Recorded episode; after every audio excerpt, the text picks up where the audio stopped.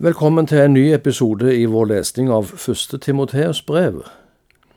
Vi er kommet til kapittel 1, vers 12, og vi skal i dag starte med å lese versene 12 til 20 sammen. Jeg takker Ham som gjorde meg sterk, Kristus Jesus vår Herre, for at Han viste meg tillit og satte meg til tjenesten jeg som tidligere spottet, forfulgte og brukte vold. Men han var barmhjertig mot meg, for i min vantro visste jeg ikke hva jeg gjorde. Og Vår Herres nåde har vært overstrømmende rik og har gitt meg tro og kjærlighet i Kristus Jesus. Det er et troverdig ord og vel verdt å ta imot, at Kristus Jesus kom til verden for å frelse syndere, og blant dem er jeg den største. Men når jeg fikk barmhjertighet, var det for at Kristus Jesus skulle vise hele sin tålmodighet på meg som den første, til et forbilde for dem som senere skulle komme til tro på ham og få evig liv. Han som er konge i evighet, den uforgjengelige, usynlige, eneste Gud, ham være pris og ære i all evighet. Amen. Timotius, mitt barn, slik er oppdraget jeg nå overgir til deg, i samsvar med de profetiene som før er talt til deg. Ved dem skal du stride den gode strid, i tro og med god samvittighet. Noen har feid samvittigheten til side, og troen deres har forlist. Blant dem er Hymeneos og Alexander, som jeg har overgitt til Satan, for at de skal bli irettesatt så de ikke spotter. Her forteller Paulus hvordan han fikk del i evangeliet og kallet til tjeneste, og vi hører om hvordan han gir oppdraget videre til Timoteus. Det kan virke som at når Paulus tenker på evangeliet, så blir han grepet av takknemlighet over at han fikk del i det. Og så kommer han med et personlig vitnesbyrd om Jesus. Han som gjorde ham sterk. Han som var barmhjertig mot meg, sier han. Jeg fikk miskunn, står det i en annen oversettelse.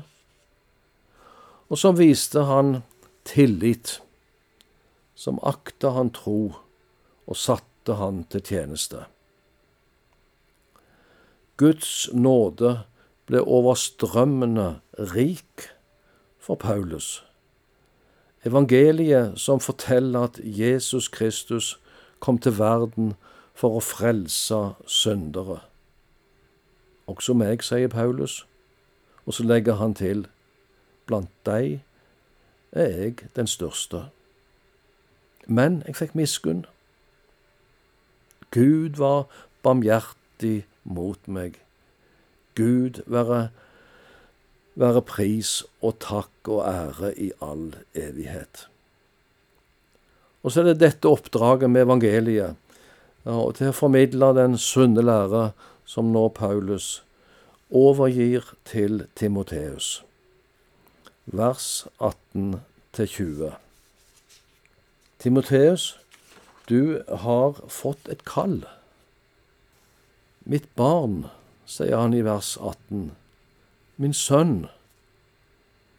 Og her kommer det fram at det kan virke som Paulus fikk være middel til Timoteus sin omvendelse og tro på Jesus.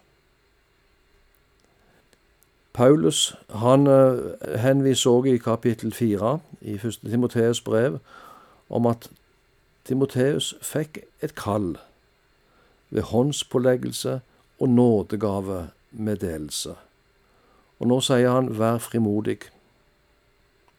i vissheten om at du er kalt av Gud og har fått utrustning til tjeneste. Det skal hjelpe deg til å stride den gode strid. Ja, for det blir kamp når du skal imøtegå fremmed lære og falske lærere. Men hold med frimodighet fram den sunne lære.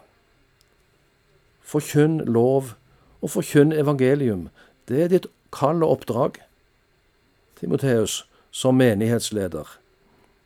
Og det er oppdraget til enhver som har lederansvar i Guds menighet også i dag. Ja, enhver troende skal holde fram den sunne lære, både loven og evangeliet, slik at Guds folk får god og næringsrik kost.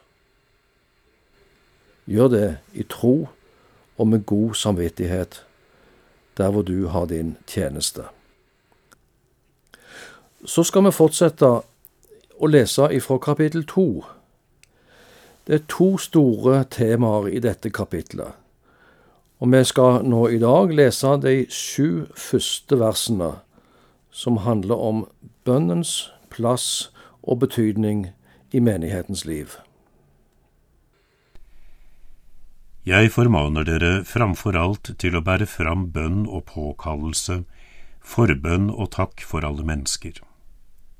Be for konger og alle i ledende stillinger, så vi kan leve et stille og fredelig liv med Guds frykt og verdighet i alt. Dette er godt og noe Gud, vår Frelser, gleder seg over. Han som vil at alle mennesker skal bli frelst og lære sannheten å kjenne. For Gud er én og én mellommann er det mellom Gud og mennesker, mennesket Kristus Jesus. Han som ga seg selv som løsepenge for alle. Slik var vitnesbyrdet da tiden var inne, og for det er jeg innsatt som herold og apostel. Jeg sier sannheten, jeg lyver ikke, jeg er lærer for folkeslagene i tro og sannhet. Det er mye å si om bønn. Mange av dere som lytter, har sikkert lest klassikeren om bønn, nemlig Fra bønnens verden av Ole Hallesby. Hvis ikke, så anbefales den på det varmeste. Nå skal vi konsentrere oss litt om bønn i forsamlingen, bønn i det kristne fellesskapet, om bønnens plass når vi kommer sammen i bedehus, i husmøter, foreninger og forsamlinger. Alt som felles bønn i de hellige samfunn. Her har Paulus en formaning og en oppmuntring til sin unge venn Timoteus og til oss. Framfor alt, framfor alle ting, formaner jeg dere til å bære fram bønn, starter dette kapitlet med. Bønnen må for all del ikke forsømmes eller forstumme når kristne kommer sammen. Framfor alt, så viktig er bønnen i den kristne forsamling.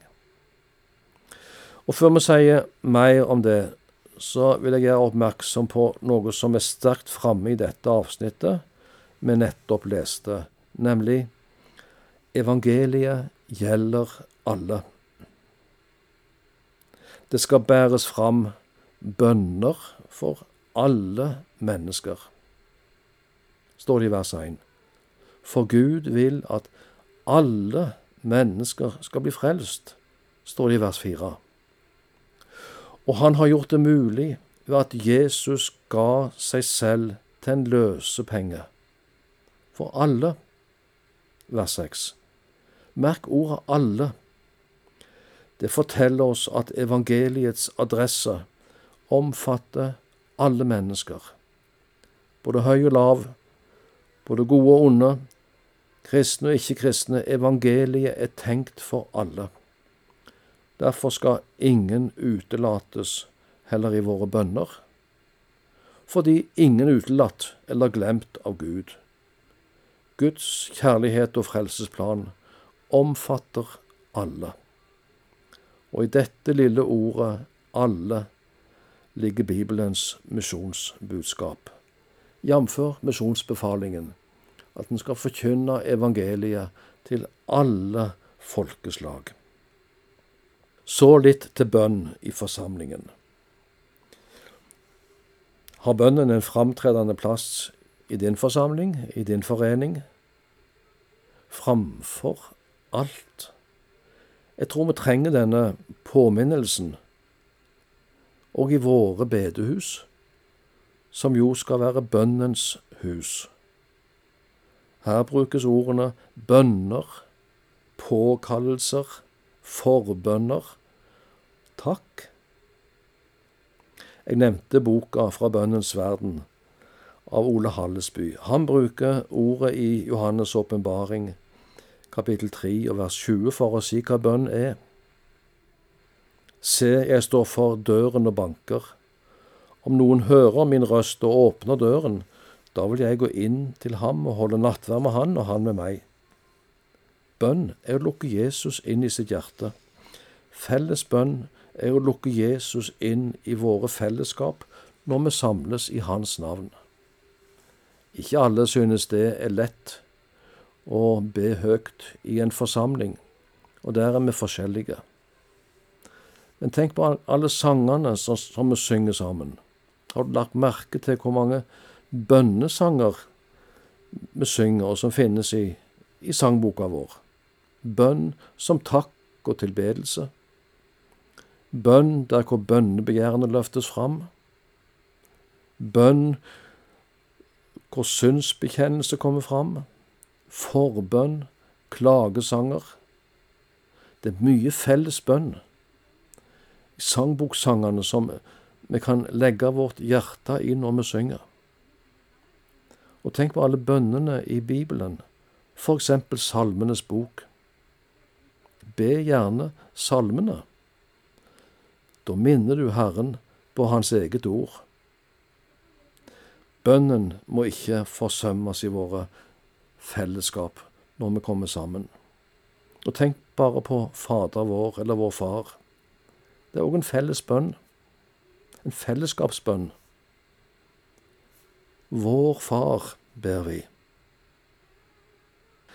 Dette avsnittet sier òg hvem vi skal be for når vi samles. Ja, for alle mennesker, står det i vers 1, men alle kan ikke be for alle. Men alle kan vi be for noen.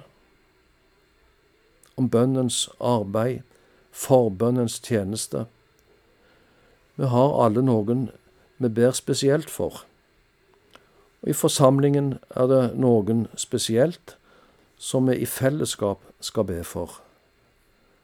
For konger og for alle i ledende stillinger. Det er annet ivaretatt i kirkebønna vår. Kanskje mer forsømt på våre bedehus. Men be for konger for storting, for regjering, for de politiske myndigheter, at de styrer og gir lover i pakt med de ti bud. Hvorfor er det så viktig? Jo, så vi kan leve et stille og fredelig liv, står det. De styrende organer, myndigheten, skal legge til rette de ytre vilkår, ro og orden slik at også den kristne menighet får leve et stille og fredelig liv. Hva betyr det?